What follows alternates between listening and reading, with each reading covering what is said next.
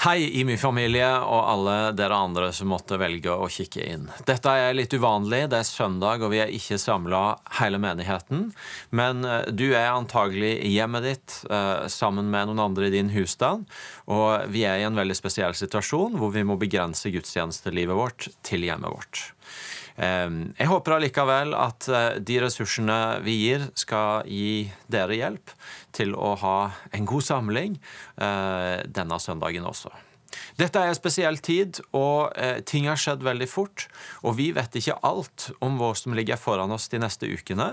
Eh, men du må følge med på våre nettsider og på våre Facebook-sider for å få oppdatert informasjon både om det som har med hva som faktisk skjer ut fra menigheten, men også de initiativ vi kommer til å komme med i tida som ligger foran, eh, i møte med at hele samfunnet vårt er berørt av koronaviruset og de tiltakene som gjøres for å demme opp spredninga av det.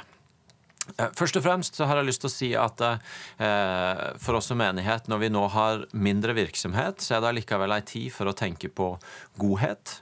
Vi tror at godhet ikke går av moten, men tvert imot er svært relevant i denne tida. Og vi har lyst til å oppmuntre hver enkelt til å tenke gjennom hvordan kan det se ut for du å bruke godhet og vise godhet i denne tida. Det kan være alt fra de enkle, små ting som å plukke opp telefonen din og ringe noen som er isolert eller som er urolig, og på den måten la de få slippe å sitte alene med sine tanker, til å handle inn mat, gå sammen med nabolaget om ting, eh, og på ulike måter forsøke å være kreative. I den uka som ligger foran, vet vi også at det kommer til å komme et initiativ til at vi som menighet kollektivt er med og bidrar i kommunen vår på det som har med å kjøre mat hjem til folk og bidra overfor folk. Så følg med på det. Og Det andre vi har lyst til å si, er dette er en tid for bønn. La oss be for landet vårt. La oss be for den verden vi lever i. La oss be for folk vi står sammen med andre steder i verden.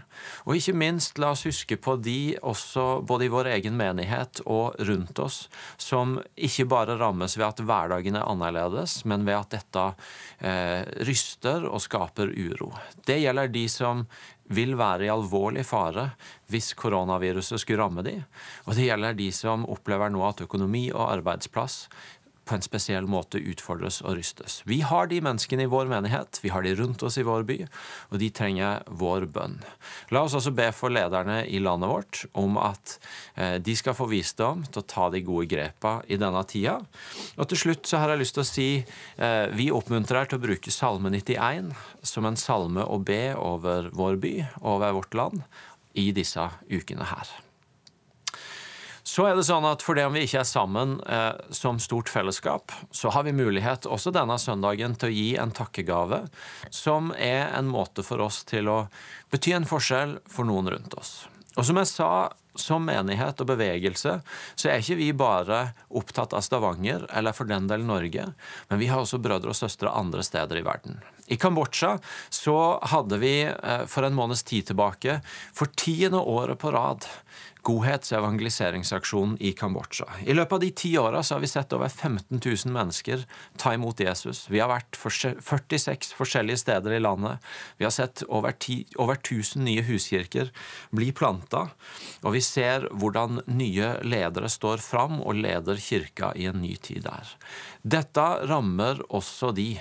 Eh, for Kambodsja per nå så vet vi ikke om at koronaviruset rent faktisk har ramma så mange, men det vi vet, er at frykten er stor, og at det på mange måter lammer både samfunn og kirke hos våre venner i Kambodsja.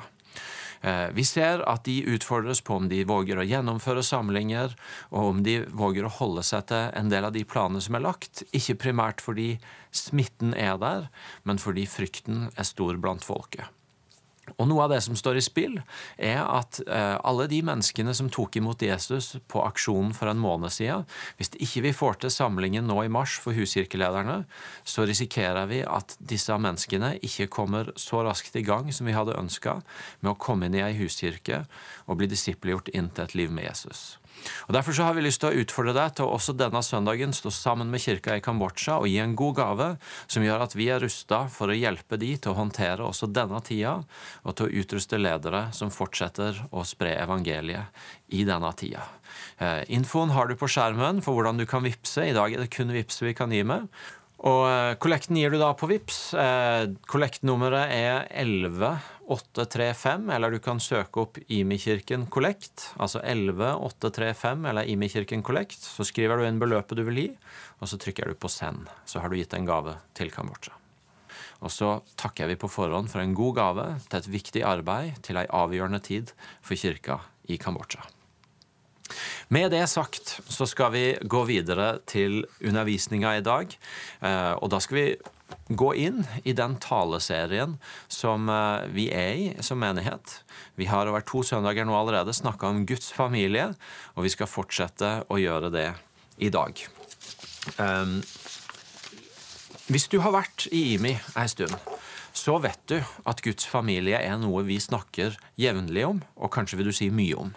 Det er et ord som vi, vi, har definert tre ord som vi bruker som sånn markører for kulturen og livet i kirka vår. Det er Guds nærvær, det er Guds familie, og det er Guds godhet. Eh, og Guds familie er blitt noe som egentlig bare i voksende grad har blitt en del av vårt liv, en del av vårt språk, noe av det vi fokuserer på. Og Som Geir sa forrige søndag, så er det jo ikke sånn helt unikt for oss at vi snakker om Guds familie. Dette er jo et ord som også er litt sånn i tiden når man snakker om fotballfamilien og korpsfamilien og Oilers-familien og ja, mange familier. Og så tror vi allikevel at det er noe mer grunnleggende som ligger i dette med å snakke om Guds familie i menigheten og i kirka. Og jeg har lyst til å si bare innledningsvis at når vi nå tar dette opp igjen i en serie i IMI, så er det ikke fordi at vi har behov for repetisjon på det vi har sagt før. Dette er ikke en serie for å repetere gammelt nytt, sånn at vi er sikre på at alle husker det. Men vi tror at det er mye mer rundt dette med at kirka er en familie, enn det vi så langt har sett og erfart.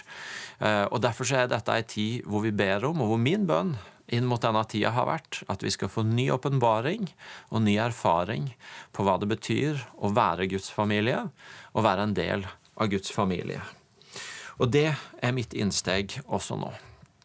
Og så eh, har min egen reise med dette med å snakke om menigheten som familie, det har nok vært noe av det å gå fra å gjerne forbinde det med at kirka er en familie, veldig med noen av de sånn ytre, synlige tegna som vi lett kan tenke på.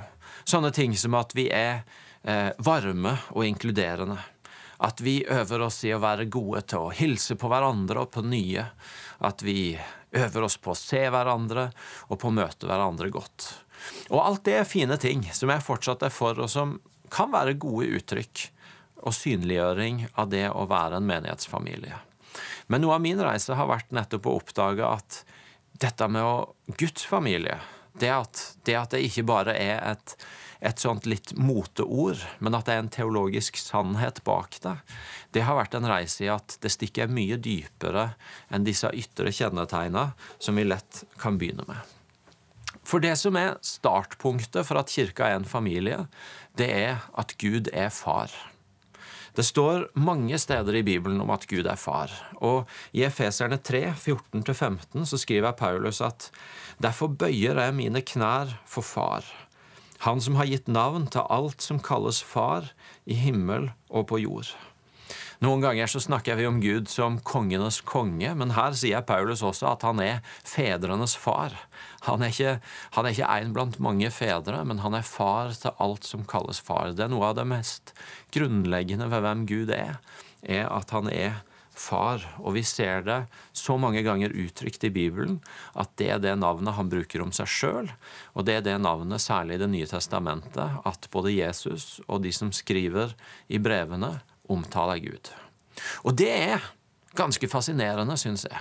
At kongenes konge, herrenes herre, den allmektige Gud, skaperen av alle ting, som kunne kalt seg så mye forskjellig, og som kunne inntatt så mange forskjellige roller, han velger helt grunnleggende å innta en rolle som far.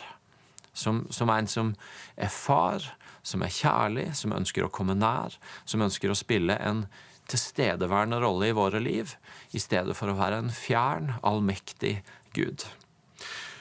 Det er en som heter Basil Pennington, som har skrevet dette her. Det er ingenting vi gjør som ikke Gud kunne reise opp en, opp en stein av marken til å gjøre for han i stedet. Å innse dette setter oss i et rett forhold til Gud. Den ene tingen Han skapte oss til, og som gir oss uendelig betydning og verdi, er vår personlige kjærlighet. Ingen andre kan gi Gud vår personlige kjærlighet, bare oss sjøl. Den allmektige Gud, som har valgt blant alle de roller han kunne velge å innta, så har han valgt å innta en rolle som far. Han har faktisk også valgt å stille seg sårbar for meg og du. Sårbar i den forstand at der er én ting Der er veldig mange ting vi kan gjøre som han ikke trenger, og som han bare kunne reist opp noe annet å gjøre. Men han har valgt å stille seg sårbar ved å si at det er én ting som han ikke kan tvinge fram, som han ikke bare kan i sin allmakt hente ut, men som han har valgt å stille seg sårbar for, nemlig at vi gir han hjertet vårt. At vi velger en relasjon til han, at vi velger en nærhet med han. Og det kan vi tenke at på mange måter at det er en selvfølge, fordi at vi er vant til språket. Vi har hørt orda om Gud som far. Vi har hørt orda om, eh, om, at vi er elska av Han. Men det er ingen selvfølge. Det er ganske utrolig. Og Gud sjøl har skjønt at det er ikke en selvfølge for oss å forstå at Gud er far. Og Derfor er noe av det Guds ånd omtales som, er at Guds ånd hjelper oss nettopp til å få tak i denne dype sannheten. Paulus skriver i Romerne 8 fra vers 14 at alle som drives av Guds ånd, er Guds barn. Dere har ikke fått den ånden som slavene har, så dere igjen skulle være redde. Nei, dere har fått ånden som gir rett til å være Guds barn, den som gjør at vi roper Abba, far. Ånden sjøl vitner sammen med vår ånd om at vi er Guds barn. Gud eh, er far, og far har en familie. Det er startpunktet her. Gud er far, og det er langt fra noen selvfølge, men han har gitt oss sin ånd for at vi skal skjønne at vi er hans barn. Og, og far har en familie. Det er, som du hører, to sider. På den ene sida det er ikke en selvfølge at Gud skulle velge å være far. Og det er heller ikke en selvfølge at vi skulle, vår rolle overfor Gud skulle være barn. Det kunne vært tjener, det kunne vært medarbeider, det kunne vært skapning. Men navnet vi får, og rollen vi får, er å være barn. Gud er far, og far har en familie. Det er startpunktet for å snakke om Guds familie. Og Paulus han skriver det igjen sånn i Efeserne 2, 19, at derfor er dere ikke lenger fremmede og utlendinger. Nei, dere er de helliges medborgere og Guds familie. Gud er far, og far har en familie. Med det som utgangspunkt så er ikke vi lenger fremmede, men vi er medborgere. Vi har en familie. Det er startpunktet for å snakke om og tenke om Guds familie. Ikke alt det vi gjør på utsida for å være varme og inkluderende, men det Gud har gjort for at vi kan kjenne og tilhøre og være nær Han. Og med det så blir også det med at Guds familie noe som stikker ganske mye dypere.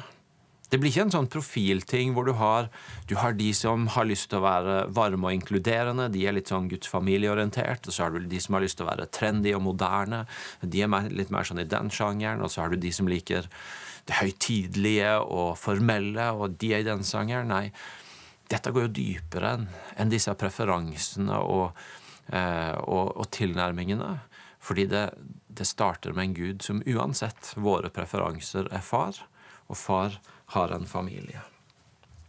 Og når det er tilfellet, at Guds familie stikker så dypt, er så grunnleggende, er så fundamentalt det som, eh, det som beskriver noe av det vi er skapt til som Guds barn, så blir det på mange måter også ei linse som vi kan se mye av resten av livet med Gud gjennom. Det blir ikke bare et sånt element utpå der som fargelegger fellesskapet vårt, men det blir ganske grunnleggende en måte å se mange ting gjennom, ei linse å se mange ting gjennom. Jeg tenker for eksempel at Eller la meg, la meg ta et steg tilbake først og gi dere et sitat til. Leif Hetland, han, en god venn av oss, han har sagt det på denne måten her. At når du vet hva som er din plass i familien, så vet du også at du ikke gjorde noe for å fortjene det. Plassen er din, og du kan hvile der. Med andre ord, han beskriver at vi har en plass i familien hvor vi ikke trenger å gjøre oss fortjent til, men hvor vi vet at vi hører til, og at den kan være et sted for å hvile. Og med det som utgangspunkt så blir det altså ei sånn linse, dette å se, familie, å se livet med Gud igjennom. Hvor f.eks.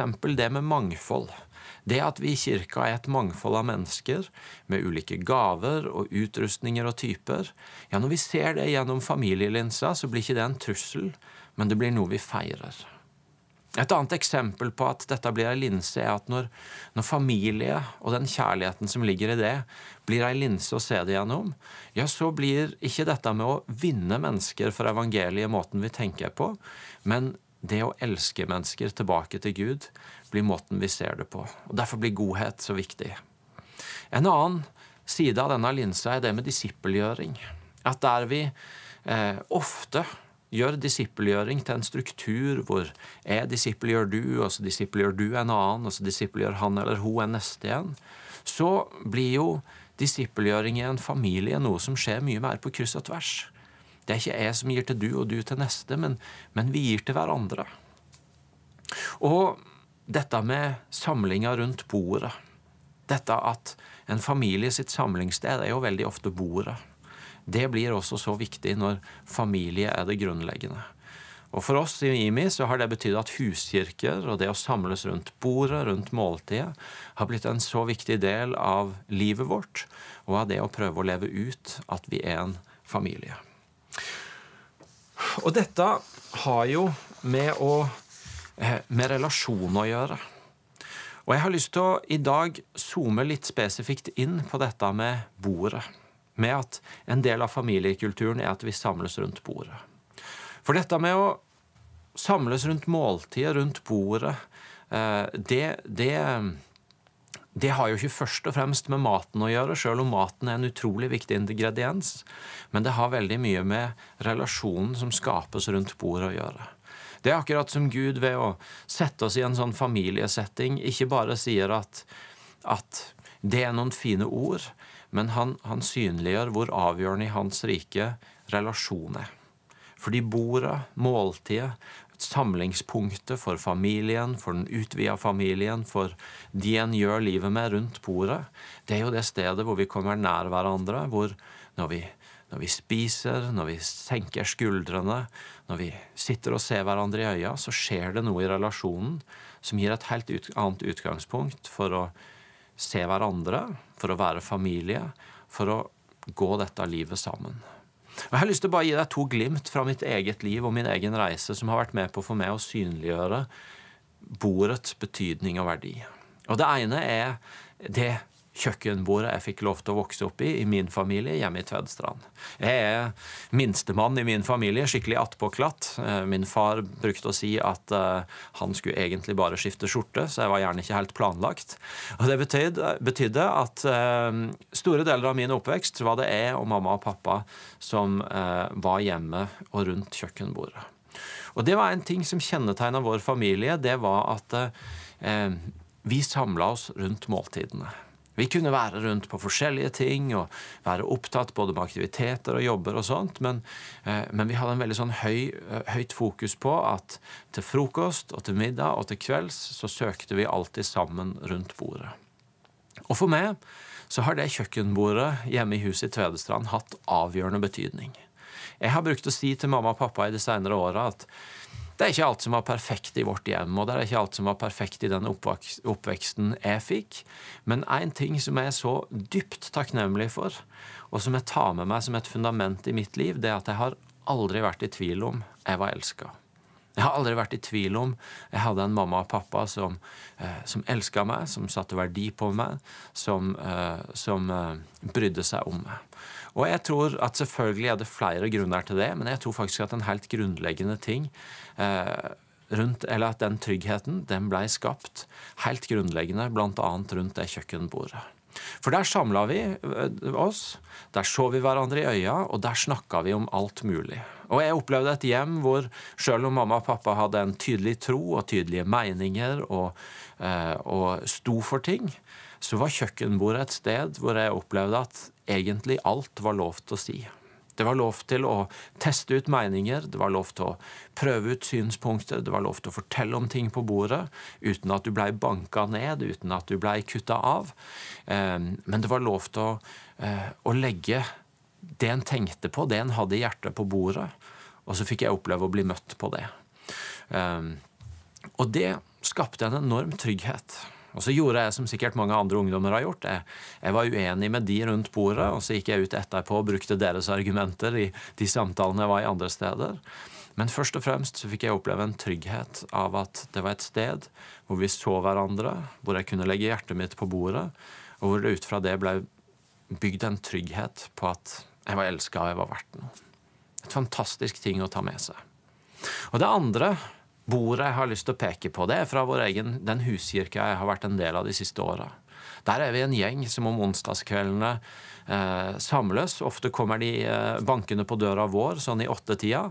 Og alle har med seg litt pålegg hver, og så samler vi det i en stor klynge på, på, på bordet vårt. Og så setter vi oss ned, og så spiser vi sammen. Og så deler vi liv og tro sammen og ber for og med hverandre. Og jeg har fått oppleve de siste åra hvordan det virkelig har blitt en opplevelse av at her kommer vi tett på hverandre når vi samles rundt bordet. Her senkes skuldrene når vi spiser og ler sammen, og her åpnes hjertene når vi begynner å snakke om hva som skjer, og hva vi trenger forbønn for, og hva vi står i i livet våre.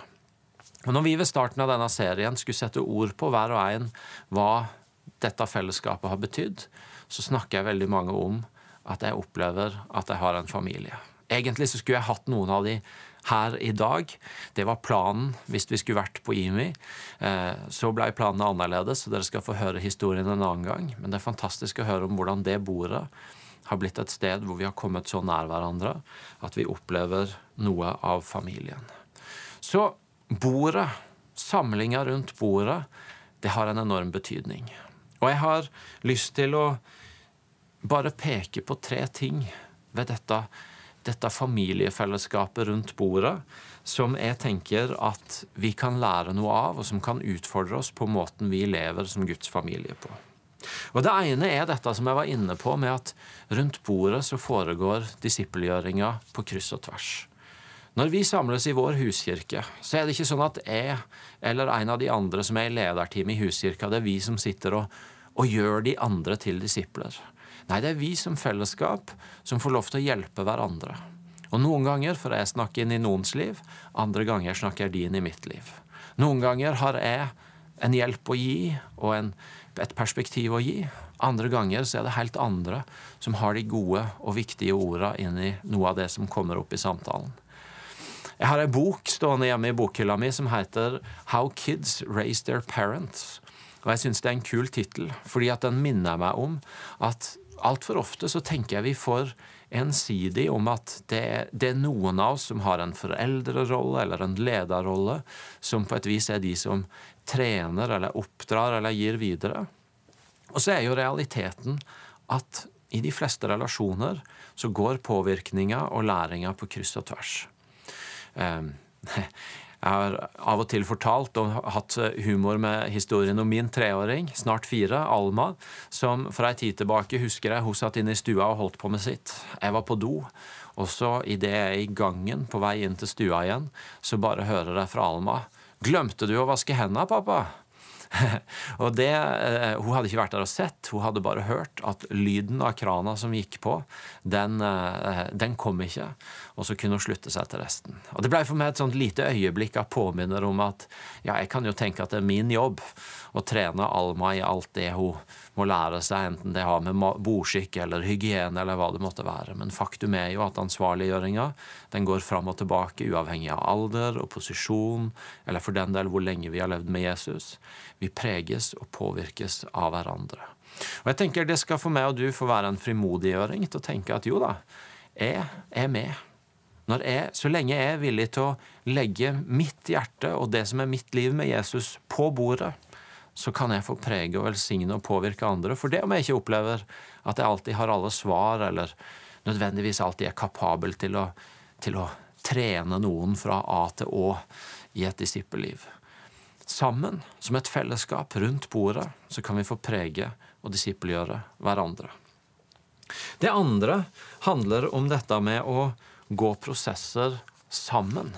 Det å være underveis sammen, og hvordan bordet, fellesskapet, er et sted hvor vi får synliggjort at det å gå med hverandre og det å lære og det å se vekst, det er noe som skjer underveis, og ikke bare på punkter eller i en undervisningssituasjon. Når vi følger eh, med på Jesus og disiplene, så er det veldig sjelden vi ser at Jesus trekker disiplene inn i en møtesal eller på en bestemt plass, og så stiller han seg opp for å undervise de. Vi ser veldig mye at Jesus han snakker med disiplene enten når de er ute og går, eller når de sitter og spiser. Og så er det ofte en samtale hvor de har noen spørsmål, eller hvor han gir en utfordring, og så har de en prosess som pågår. Og når Nathan Edwardsen var her på Åpen himmel i januar, så eh, snakka han om hvordan eh, de i sin kirke prøvde å skille mellom at det var noen ting som var nyttig å ta fra talerstolen, og så var det noen ting som var best å ta rundt bordet. Og Med det så mente han at noen ganger så kan vi føle oss frista til at vi må bare gjøre et, et statement på et eller annet for å få sagt hvor vi står, hva vi mener. Mens i mange sammenhenger, hvis det det egentlig handler om, er å hjelpe folk gjennom faser i sitt liv, eller hjelpe folk til å ta gode valg i livet, så er det veldig ofte ikke fra talerstolen, men rundt bordet at de gode prosessene skjer. Og jeg tenker igjen at her, her har vi en mulighet. Og så tror jeg at vi som kirke har en utfordring i det å enda mer åpent og frimodig legge hjertene på bordet for hverandre snakka i starten av talen om hvordan Gud stiller seg sårbar og legger sitt hjerte på bordet for oss, og, og ber egentlig om å få vårt hjerte tilbake. Men på samme måte så ligger det noe i det at vi legger hjertet på bordet for hverandre. Og tør å stille oss åpne for hverandre, sånn at disippelgjøringa ikke bare skjer gjennom en tale eller en undervisning, men den skjer når vi får snakke åpent med hverandre. Og jeg tror, og drømmer om, for mitt eget liv at jeg skal kunne ta nye steg i å våge mer åpenhet. I å ikke bare dele med folk når jeg har gått igjennom en prosess, hva jeg lærte når jeg kom ut av den, men å snakke åpent om hva jeg ikke forstår, og hvilke spørsmål jeg har når jeg står midt i den. Og Jeg drømmer om det samme for menigheten vår og fellesskapet vårt. At en del av det å være familie skal være at vi ikke bare gir vitnesbyrda om de ferdige historiene, men at vi rundt bordet, i huskirkene og i relasjonene, også legger på bordet det vi står midt oppi, og får lov til å hjelpe hverandre, og er villige til å gå med hverandre der. Tredje og siste ting er dette med å alltid ha en ledig stol rundt bordet. Jeg har sagt at Rundt bordet så går disippelgjøringa på kryss og tvers. Rundt bordet så kan vi få gå prosessene med hverandre. Men så er det også dette med at rundt bordet så skal det være en ledig stol til de som ennå ikke har funnet sin plass, men som trenger det, og kanskje på et gitt tidspunkt ønsker det. Vi ser at Jesus han ble beskyldt for å spise med feil folk. Han ble kalt vindrikker og storheter. Jesus var en som flere ganger måtte møte en konfrontasjon på hvorfor spiser du med de? Nettopp fordi at eh, bord og måltidet uttrykker relasjon, uttrykker tillit, uttrykker nærhet. Så lurte folk på men hvorfor vil du være nær de? Det er jo feil folk.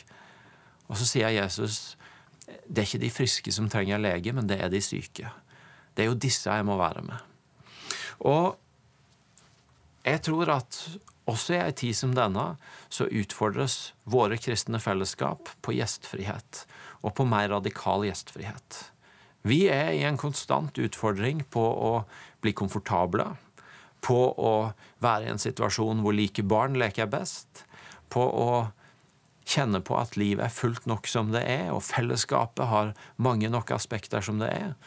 Og så dropper vi i realiteten den ledige stolen rundt bordet. Hebreerne 13,2 sier på en enkel måte dette. Glem ikke å være gjestfrie for på den måten har noen hatt engler som gjester uten å vite det. Med andre ord gjestfrihet kan også være en stor, stor velsignelse for oss. Vi kan oppleve ved å være gjestfrie at vi får ha engler på besøk. Og jeg tenker at Som fellesskap så må vi utfordre hverandre på å ikke bli for komfortable. På å ikke lukke bordet vårt. På å ikke finne disse gode argumentene for at vi egentlig ikke har plass til noen andre. Men hele veien tenke Hvordan ser det ut å ha en ledig stol rundt vårt bord, sånn at noen nye kan komme inn? Og ikke minst, akkurat i de dagene vi er i nå, og de ukene vi kommer til å være i foran, så er det et relevant spørsmål. Det kan hende at gjestfriheten ikke ser ut som rent fysisk flere rundt bordet, for det ser ut som vi må være litt forsiktige med å komme for tett på hverandre. Men nettopp allikevel denne gjestfriheten på fellesskapene våre, hvordan ser det ut for oss å åpne opp familien vår? Storfamilien, huskirka, menighetsfamilien, for noen som akkurat nå trenger det. Enten det handler om forbønn, om, eh, om å levere eh, godhet og gi godhet på ulike måter, eller om det handler om å bare rent relasjonelt være til stede for noen som i denne tida kan kjenne seg isolert og ensom. Så det håper jeg at dere kan ha en samtale rundt og en refleksjon rundt både i dag og i uka som kommer. Hvordan kan vi ta nye steg i å være en familie som med et bakgrunn i at Gud er far, og han har en familie, samles på en måte hvor vi disippelgjør hverandre, åpner hjertene for hverandre og viser en radikal gjestfrihet. Og mitt enkle spørsmål til du blir hvor utfordrer dette ditt liv og ditt fellesskap? Hvor er det du kan ta et nytt steg mot en dypere forståelse og en dypere erfaring av å leve som Guds familie? Skal vi be sammen? Far, takk for at du er far. Takk for at blant alt du kunne være, så valgte du å være far. Og takk for at vi, blant alt vi kunne være i møte med en allmektig Gud, får lov til å være barn. Og takk for at du, far, du har en familie, og vi får lov til å være en del av den. Jeg ber deg, Hellige Ånd, både om at du hjelper oss og igjen og igjen innta dette barnekåret som Paulus skriver om. Og så ber jeg deg om at du peker oss i retning av en dypere forståelse og en dypere erfaring av en familie som samles rundt bordet. Du vet for den enkelte av oss om det handler om mer frimodighet på at vi har noe å gi videre, om det handler om større trygghet på å åpne opp på det som er vårt liv og våre utfordringer, slik at andre kan få gå med oss, eller om det handler om nye steg i gjestfrihet og åpenhet for de som ennå ikke sitter rundt bordet. Hellige Ånd, led oss, tal til oss, utfordre oss gjerne, og utrust oss til å ta nye steg. Amen. Og med det så ønsker jeg deg en velsigna søndag videre og ei god uke.